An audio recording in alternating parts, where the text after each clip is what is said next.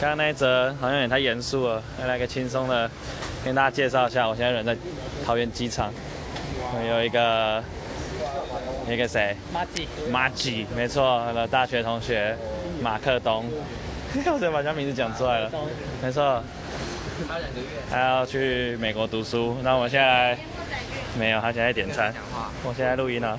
哦，我想跟大家介绍一下，我们最帅的马克要准备出国了，大家现在忙着点餐我。是 Marine 的朋友，我是 Jeff。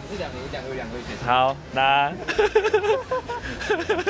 Jeff，原来你英文名叫 Jeff 哦，对啊，刚取的。刚去的。好，那我们一分钟时间也快结束了，也快进入尾声了。